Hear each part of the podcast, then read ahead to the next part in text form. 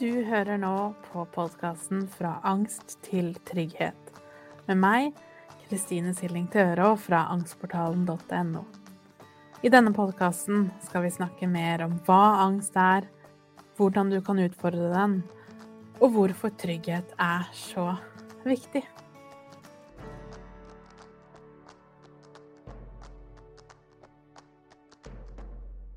Hei og velkommen til episode 65. Og denne episoden vet jeg er et tema som mange har venta på. Temaet er angst og overgangsalder. For mange er det en, et litt sånn vanskelig, kanskje også litt mystisk tema som vi vet lite om, til tross for at vi alle damer kommer til å oppleve det. Og nettopp derfor så har jeg invitert med meg en ekspert på området i denne episoden. Hun heter Marianne Nattvik. Hun er allmennlege og forsker på nettopp overgangsalder. Og i denne episoden så har jeg fått lov til å stille henne spørsmål fra Angstportalen fra medlemmer som hadde spørsmål om nettopp overgangsalder, psykisk helse, behandling osv. Så, videre. så Marianne snakker både om overgangsalderen og også det hun kaller overgangsoptimisme. Hjertelig velkommen hit, og tusen takk for at du har lyst til å være med i podkasten min og snakke om et tema som jeg har fått veldig mange spørsmål om i ganske mange år. Veldig stas å få lov til å være med. Så bra, for dette er jo et tema som i hvert fall vi damer alle påvirkes av og kommer til å, å oppleve. Og så opplever jeg både i meg selv litt sånn før overgangsalderen, og fra andre jeg snakker med, at det er et tema som er nesten litt sånn mystisk, kan vi si det sånn. Vi vet kanskje lite om det, og kanskje kan tenke meg det er mye, mye frykt og mye kanskje dårlig informasjon ute og går.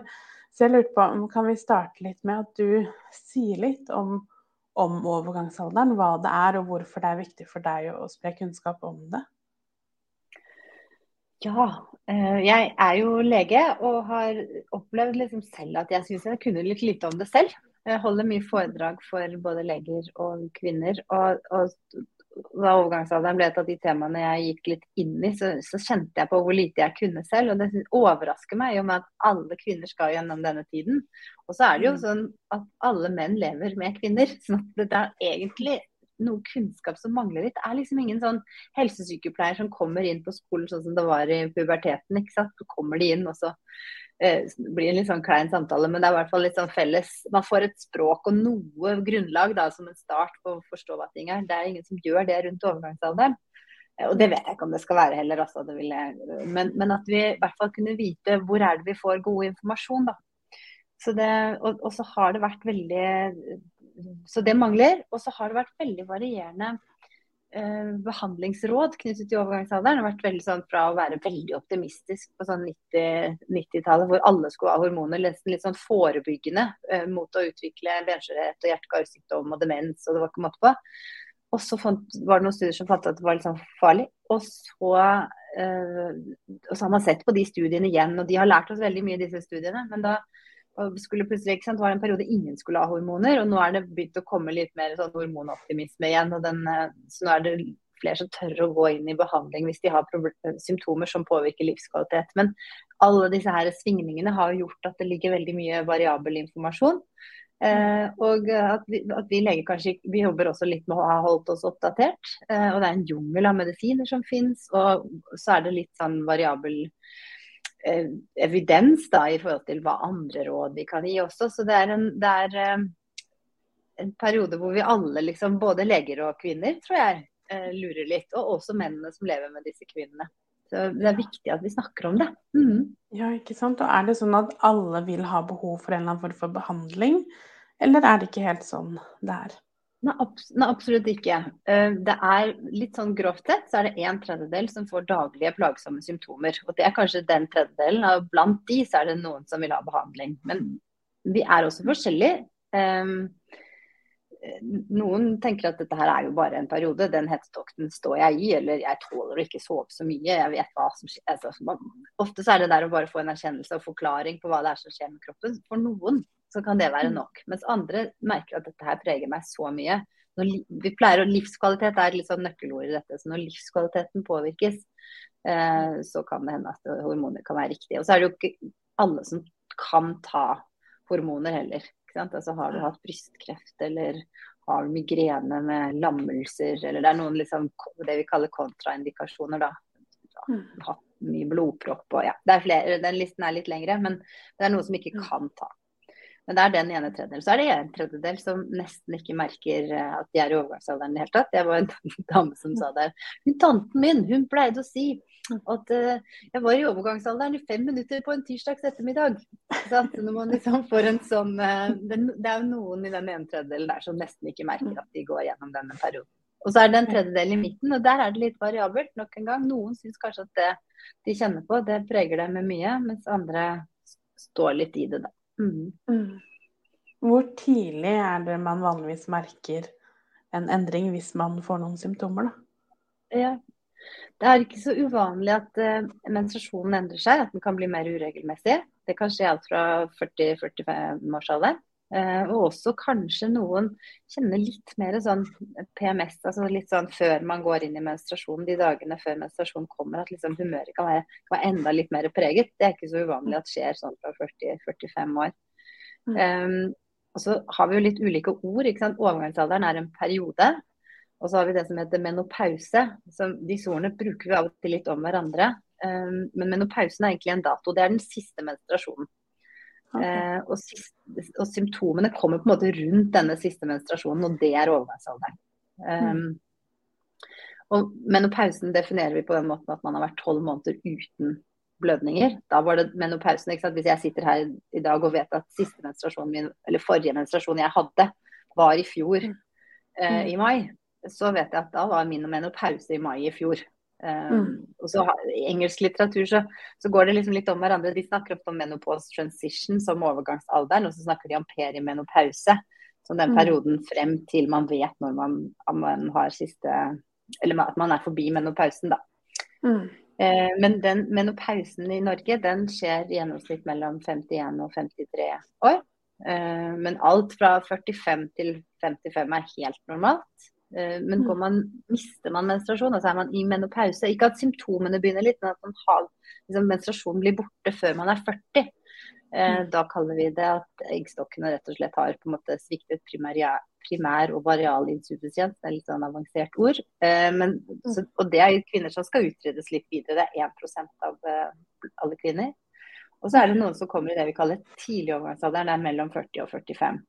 Og de mm. er vi også litt sånn ekstra obs på. For det som skjer da, hvis du, hvis du har menopause før 45 år, da, så vil det si at det kommer til å være mindre østrogener i kroppen. Og østrogener er så viktig for skjelettet. Så alle mm. kvinner som uh, i, har menopause før 45, de velger vi å gi litt østrogener til. Okay. Um, som en sånn type for å passe på skjelettet deres, rett og slett. Men bortsett fra det, så er det ingen forebyggende behandling i hormonbehandling. Det er for å ta symptomer knyttet til eh, hormonendringen i overgangsalderen. Mm. Ja, ikke sant. Og det er jo så eh, interessant, som du også har sagt, stad, det at vi vet så lite, og selv leger egentlig ofte har så eh, har lite informasjon om det. Og det tyder jo også på litt de spørsmålene Jeg spurte jo Angstportalen om spørsmål om det temaet her. Eh, og mm. av spørsmålene som kom inn, så er det jo følte jeg det var litt det i, i, noen historier som også kom frem, som ikke nødvendigvis var spørsmål, så var det litt det som En litt sånn frustrasjon, kanskje. og følelse av å ikke helt bli forstått og hørt, og samtidig som en sånn diffus opplevelse at det er noe galt. Men jeg klarer ikke mm. helt å, å sette fingeren på det eller få hjelp for det. Nei, det er en, det er jo, jeg er jo veldig opptatt av å understreke at overgangsalderen ikke er noen sykdom. Men det er en mm. periode som gjør at der man, noen kvinner opplever symptomer som gjør at de kan føle seg syke. Um, og den, de, de, dette skal vi jo ikke bagatellisere. Men jeg tenker også det er litt viktig at det heller ikke skal sykeliggjøre. Så den der balansen der. Og så er det ja. en periode av livet, 45-55 år, hva er det som skjer da? Det skjer veldig mange ting på mange. Noen er kanskje i sånn karriereløp, har det travelt på jobb. Noen har kanskje fortsatt ganske små barn, mens foreldre som fortsatt men som, som begynner å trenge en del hjelp og støtte. Man blir en litt sånn sandwich hvor man skal strekke seg mot barn og mot uh, foreldre og uh, jobb og har store ambisjoner på egne vegne også. Så det er mm. livet er også veldig på oss her. Så jeg, jeg tenker ja. at en veldig viktig del av det som skjer i samtalen med legen, er jo å prøve å sortere litt hva er hva. Hva er, hva er rett og slett livet som er tut og kjør? Hva mm. er uh, hormonendringene knyttet til overgangsalderen? Hva er kanskje det som egentlig mer er litt sånn aldring? Og hva kan mm. være annen sykdom? Så det, her, det, det å få kjenne på at man eh, blir tatt på alvor, eh, men, men, ikke at alt, alt, kan ikke puttes inn i overgangsalderen heller. Det er en sånn balansegang, da. Mm. Ja, ikke sant. Og en av mm. temaene som da naturlig nok, i og med at Dagsportalen fort kom inn, er jo dette forholdet mellom både psykisk helse, angst og overgangsalderen. Eh, kan du si litt om, om måte, normale endringer, eller hva folk opplever, eller hva man kan forvente i forhold til det? Ja, skal jeg prøve. Um, det er jo sånn at um, symptomene i overgangsalderen de kommer jo fordi østrogennivåene faller. Eggstokkene som vanligvis produserer masse østrogen, de begynner å takke for seg.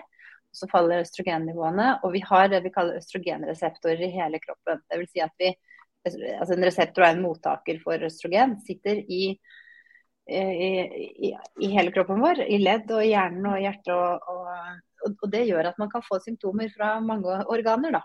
Um, mm. og Det vi kjenner aller best til, som liksom er det hovedkjennetegn. Alle knytter hetetokter til overgangsalderen. Og Det mm. vet vi ikke helt hvorfor vi får, men det har noe med temperaturreguleringen i hjernen å gjøre, som påvirkes av lavere østrogennivåer. Og så er det jo, eh, kan man også oppleve at humøret forandrer seg. At man blir litt mer sånn Noen kan føle seg litt mer nedstemt. Andre kan oppleve at de blir mer sånn eh, at liksom labilitet. At man liksom, plutselig snapper man til uten at man egentlig helt vet eh, hvor det kom fra. Og så er det mange som sier at jeg kjenner ikke helt meg selv igjen. Man, man funker liksom ikke helt som man pleier. Uh, og blir jo litt sånn, Det er jo ikke noen god opplevelse det å bli ordentlig sint på partner eller kanskje et barn eller på jobben. liksom Helt ut, litt ut av det blå.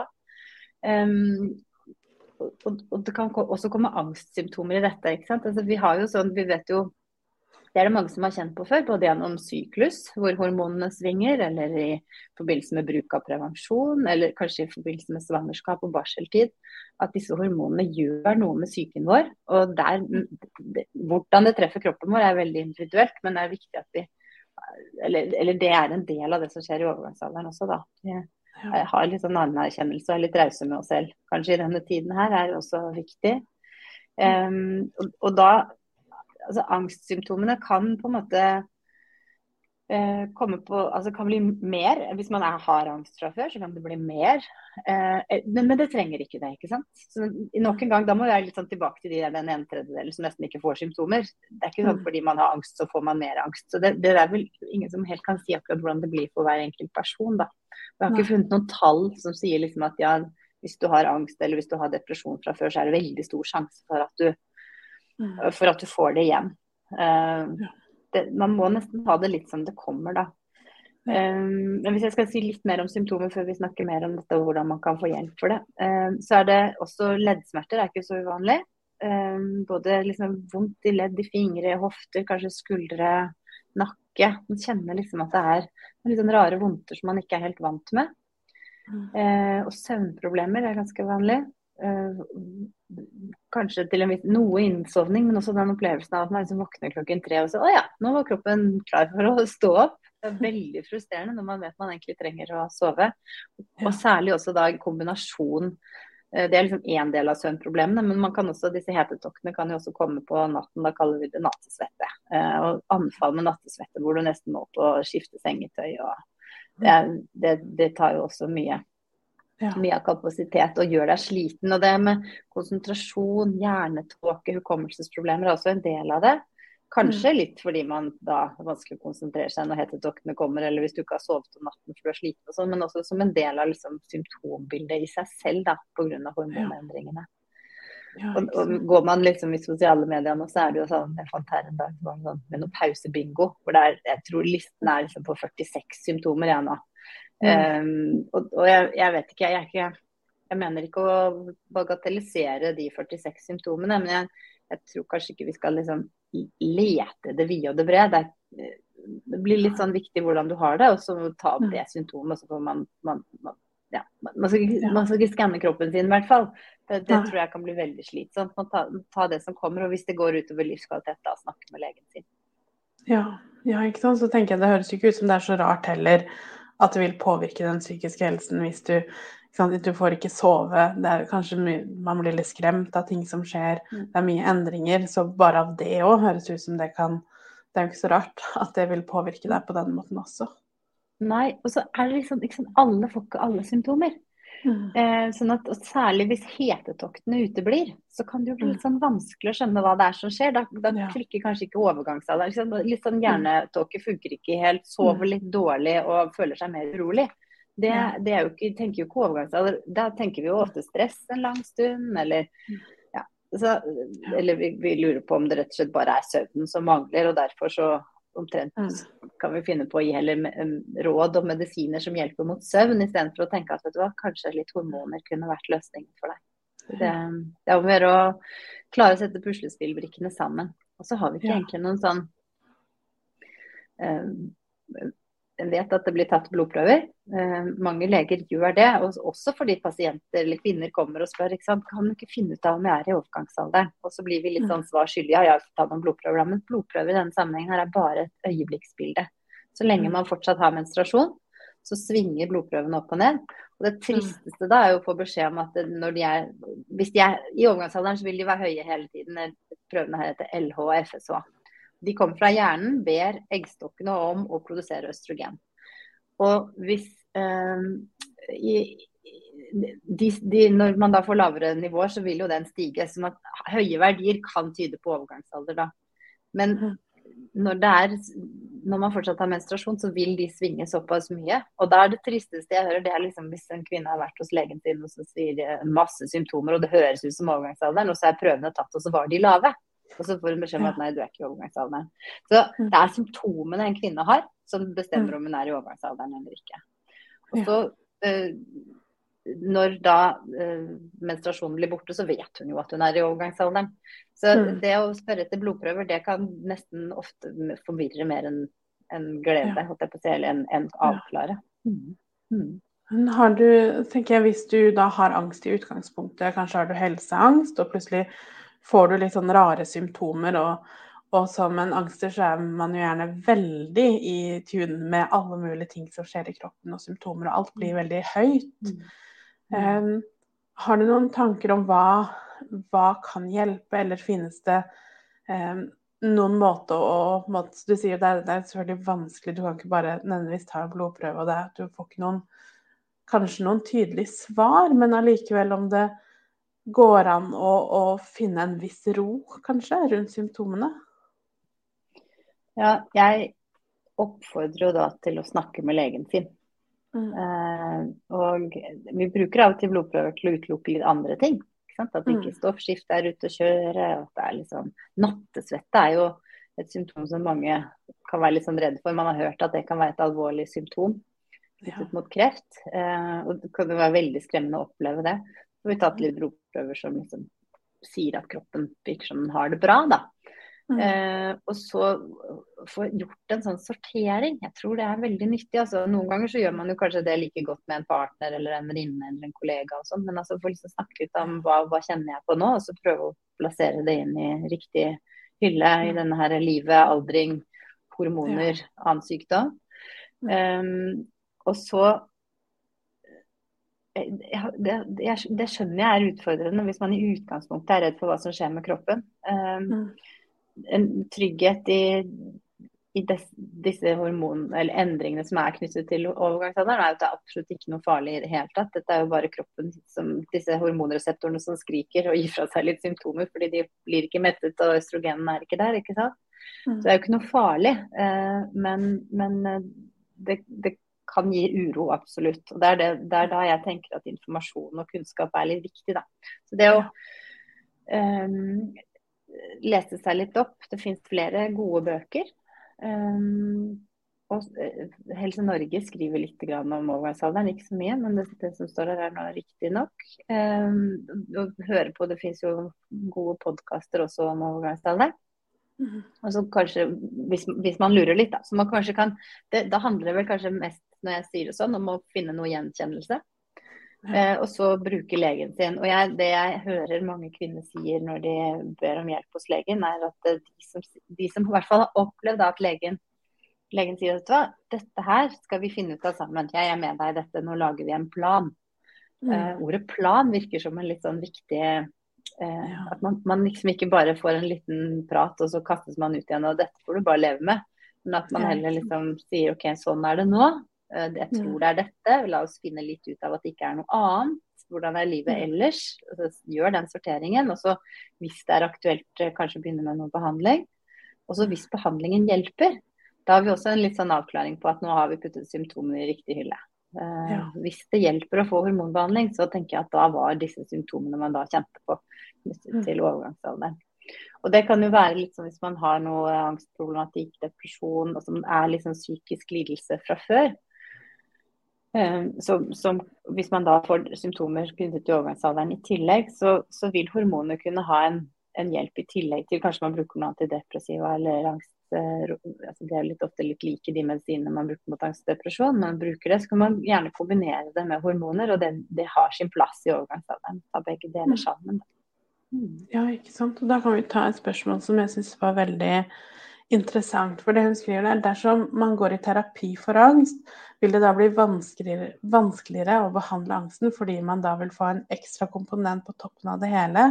Altså at endringen i kroppens kjemi vil jobbe mot den. Hva tenker du om det? Nei, eh, nå må jeg bare svare litt ut fra hvordan jeg tenker litt sånn logisk rundt det. Så, så, så, tenker jeg at man kanskje da må jobbe litt med å anerkjenne at det kan være mer angst. Altså Mye sånn angstbearbeiding går jo på hvordan vi tenker om angsten.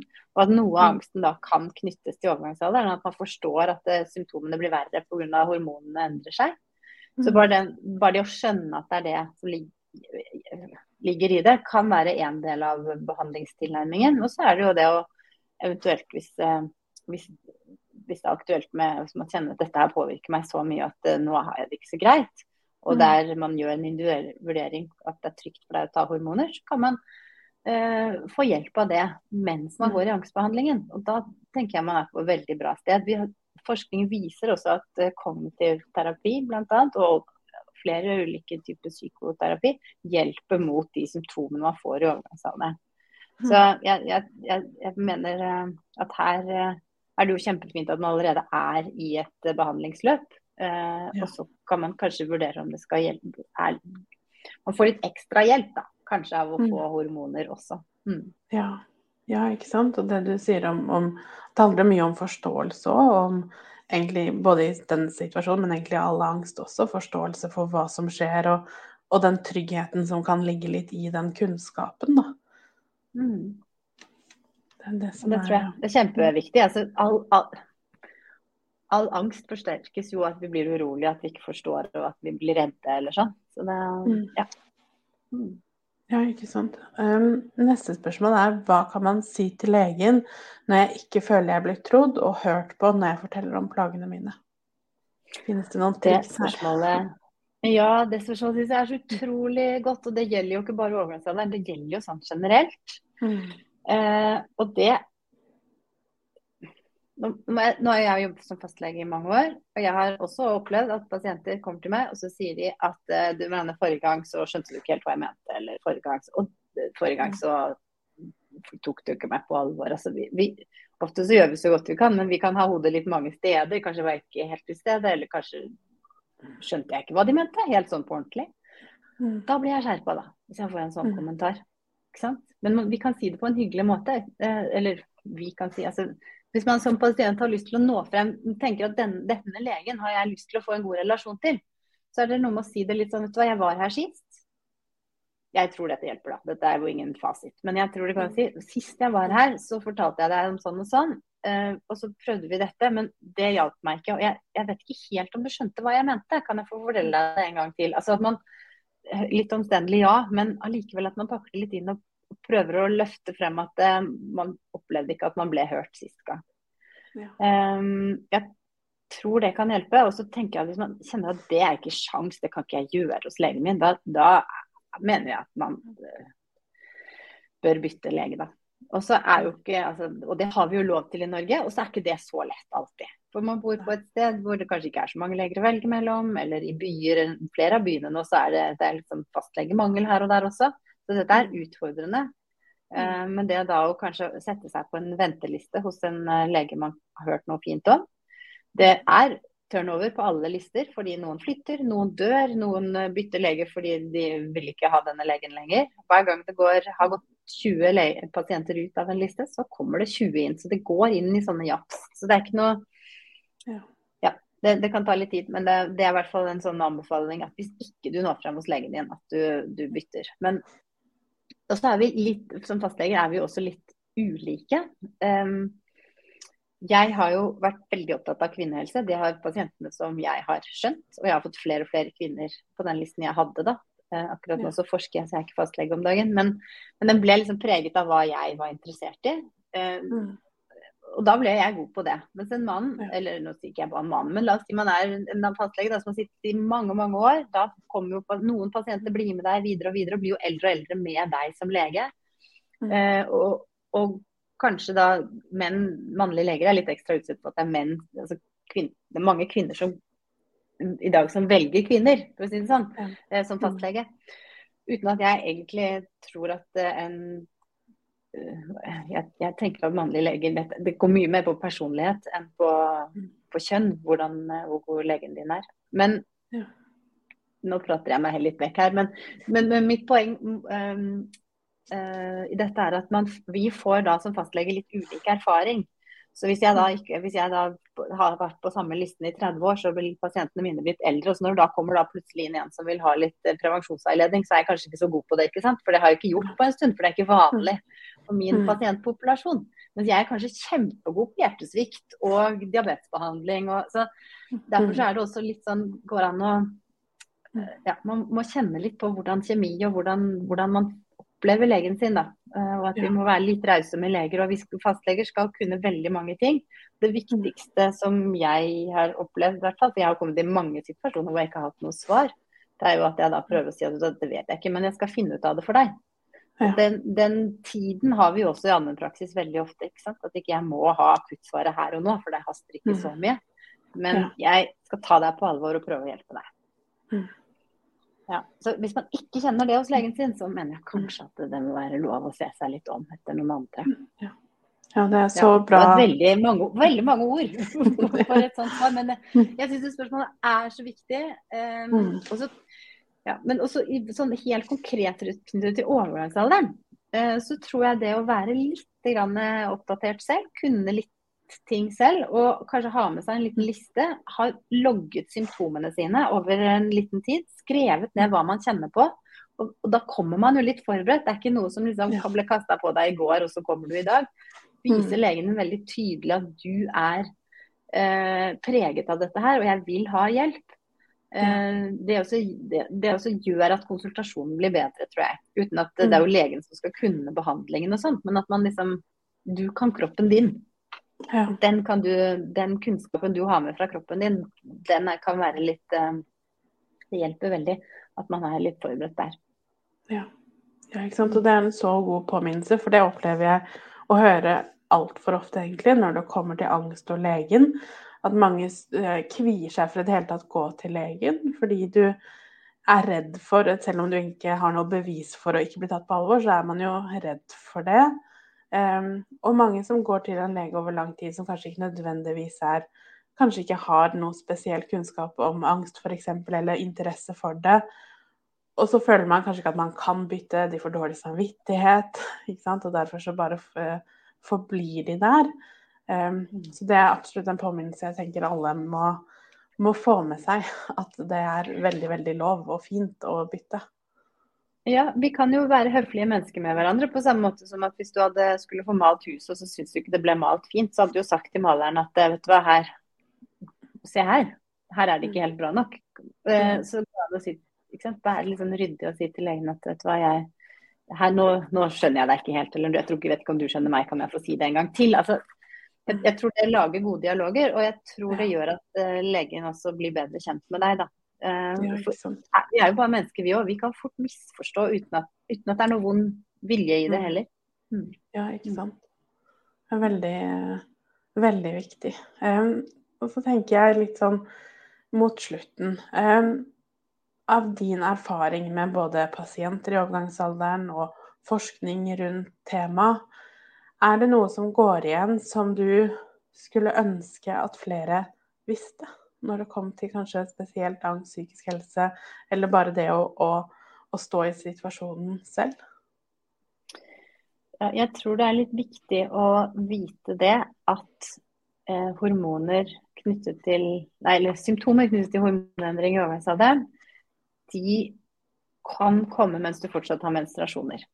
Noen tror at man liksom må ha mistet mensen før det kan skje noen ting, men sånn er det ikke. Mm. Også i disse periodene hvor det svinger masse, så kan det komme symptomer. Um, det tror jeg er en viktig ting. Og så tror jeg det er, så syns jeg også det er en viktig ting at man um, er en periode hvor vi må være litt sånn rause med oss selv. Uh, og at vi ikke at, uh, blir, blir, man preget av det som skjer i overgangsalderen, enten om det er psykisk eller om det er mer sånn somatiske symptomer hvor hetetokten er der og sånn, så, så, er det hjelp å få. ikke sant? Altså At man ikke sitter hjemme og er redd og lurer på hva er dette, eller tenker at eh, nei, dette kan jeg jo ikke få ned til. Det er jo, det er jo ikke en sykdom. Det er hjelp å få. Um, og også for de som ikke har hormoner, så har vi legemidler som, som kan hjelpe. Men, og det der å bare være litt tydelig på at man får sortert ting noe, et, et, sted, om det er hos legen eller hos noen man kjenner, eller, men at hvert fall liksom få snakket om det. Så ja. åpenhet er noe jeg fremmer veldig når jeg snakker om overgangsalderen. at vi jeg tenker at Hvis jeg er en som tør å dele symptomene mine, så vil eh, I vennegjengen da, så vil andre også kanskje snakke om sine ting. Det er ikke så lett å speile seg. altså i i andre i overgangsalderen fordi vi både symptomene treffer oss på litt sånn ulike aldre, men også fordi at det er så variasjon. Når det er en tredjedel som får mye symptomer og en tredjedel som får nesten ingenting, så vil en venninnegjeng oppleve det litt ulikt. Mm. Men det, jeg tror da hvis noen begynner å snakke litt om overgangsalderen, så blir det litt sånn som ikke sant, sett eh, en, en haug med damer som er født i samme rom, og de snakker jo om um, fødslene sine som bare det. Så det er jo veldig intimt og veldig personlig. Det syns ja. vi ikke er så veldig vanskelig å snakke om. Mens dette her har vi liksom holdt litt for oss selv. Men jeg tror åpenhet er veldig viktig. Og så prøver jeg å fremme en form for jeg kaller det litt sånn overgangsoptimisme. Mm. Eh, eh, uten å være naiv i det. Eh, jeg anerkjenner virkelig når det er tøft, når det er en tredjedel, disse en tredjedelene som har mye symptomer. Men, men det er også en um, Det er hjelp å få. Det trenger ikke å bli så ille som man kanskje har vært redd for at det skulle bli. Eh, og det går over. Det er ingen undergang, men en overgang. Mm. Og overgangsalderen i seg selv er nok et trekk ved oss som mennesker eh, som gjør at vi lever lenger. Vi trenger, mm. ikke sant? Vi, det er kjempefarlig for en kvinne å bli gravid og skulle føde barn når hun er 50 år. Så mm. Naturen har liksom fjernet den eggløsningen og den, den risikoen for å bli gravid for oss. Ja. Um, og, og, også det der å bruke energi på eggløsninger og sånn. Uh, vanskelig. Mm. Uh, og så i tillegg så, sånn at det er liksom det, er det, det, at det er hjelp å få. Åpenhet hjelper. Um, overgangsalderen er et trekk på oss som vi liksom kanskje skal anerkjenne litt mer. Respektere ja. den litt. Mm. Og så er det det at vi skal leve omtrent like lenge en gang til. Så dette her, vi kan ikke la det bli en undergang. Det er noen mm. buldrende år, pleier jeg å si. Men så mm. etterpå så sitter vi igjen. det er noe med at når man er litt sånn 50 pluss, så må man komme til et sted i livet hvor mange kvinner sier sånn Nei, nå bryr jeg meg ikke så mye hva andre sier, og man finner en litt annen trygghet eh, mm. kanskje i seg selv og har noe erfaring og noe modenhet som, som man lever godt med. da. Så det der å bruke liv og gå inn i det og liksom mm. uh, Takknemligheten for at man liksom ja, friheten. Mange snakker om en sånn frihet. for det er en sånn, man, man, vet hva man vil, og da gjør man det man vil. Og Det er en sånn deilig følelse å ikke bry seg så mye om andre. Ja. Så, og litt optimisme. Åpenhet og mm. optimisme er jeg veldig opptatt av rundt overgangsalderen. Ja, ikke sant? Har du da noen erfaring med hva skjer i forhold til si du har hatt angst kanskje hele livet, eller i hvert fall ditt voksne liv, kommer i overgangsalderen, og så kommer du, er du ferdig der. Um, har du noen erfaringer eller har du noen opplevelser rundt hva pleier man, du sa jo litt om det nå, å erfare i forhold til angsten? Vil da de symptomene som overgangsalderen kanskje boosta opp, gå over? Eller hvor det er selvfølgelig vanskelig å si helt konkret, men sånn generelt? Ja, sånn Generelt så er jo de symptomene som er i overgangsalderen, de som er knyttet til hormonene, da, de vil jo gå over. Mm. Den andre angsten som har vært der sånn fra før, den uh, vil, vil, jo ikke påvirkes sånn sett. Det, det, ja, det vil jo være hvordan man står i behandling og hva man, hva man får til. Eh, eller hvordan man mestrer angsten sin, da, eller hvordan man klarer å leve med den. Det, det er jo sånn det er. Eh, fra, sånn det var fra før av. Jeg, vet, jeg har ikke noen erfaring med på en måte om om angsten i seg selv vil være annerledes etter overgangsalderen. Men den der litt sånn buldringen som overgangsalderen bidrar til, den vil jo roe seg. Og mm. velger man å få hormonell behandling, så er det ikke sånn at vi utsetter overgangsalderen. Jeg tenker at overgangsalderen eller hormonene i kroppen driver og buldrer som bare det i denne tiden her. Så mm. legger vi liksom hormoner som et sånt lokk på toppen, sånn at det blir eh, litt mindre svingende, eh, eh svingende nivåer, da. Eh, og så når man da tar vekk behandlingen, eh, så er det ikke sånn at vi da har forskjøvet hele overgangsalderen. Den, eh, mm. den pågikk mens man hadde behandlingen. Mm. Ja. Mm. Veldig, veldig interessant, og tusen takk for at du ville være med her. Og til slutt, hvor, når folk vil finne ut mer om deg, hvor går de da? Jeg har en konto på Instagram og Facebook som heter DR Marianne Nattvik, doktor Marianne Nattvik. Så veldig stas hvis dere vil være med meg der. Der snakker jeg mye om stressmestring og det å liksom stå i livet. Jeg snakker om det jeg kaller egenmestring, mer som en sånn verktøykasse for hvordan være robust i eget liv. Eh, mm. og så snakker jeg mye om kvinnehelse, og da er overgangsalderen mitt eh, favorittema. Ja, ja, ikke sant. Og det anbefaler jeg. Det var der jeg fant deg for ganske lenge siden. Så jeg anbefaler virkelig å følge deg der, for det er mye, mye bra informasjon. Så tusen, tusen takk for at du var med. og ja, da tenker jeg at vi avslutter for i dag. Takk for meg. For å lære mer om angstmestring og mine metoder, så går du til angstportalen.no. Du finner meg også på Instagram som Angstpedagogen, og på Facebook som angstportalen.no. Der har jeg også en gratis Facebook-gruppe hvis du har lyst til å komme i gang og bli kjent med andre som har det på samme måte.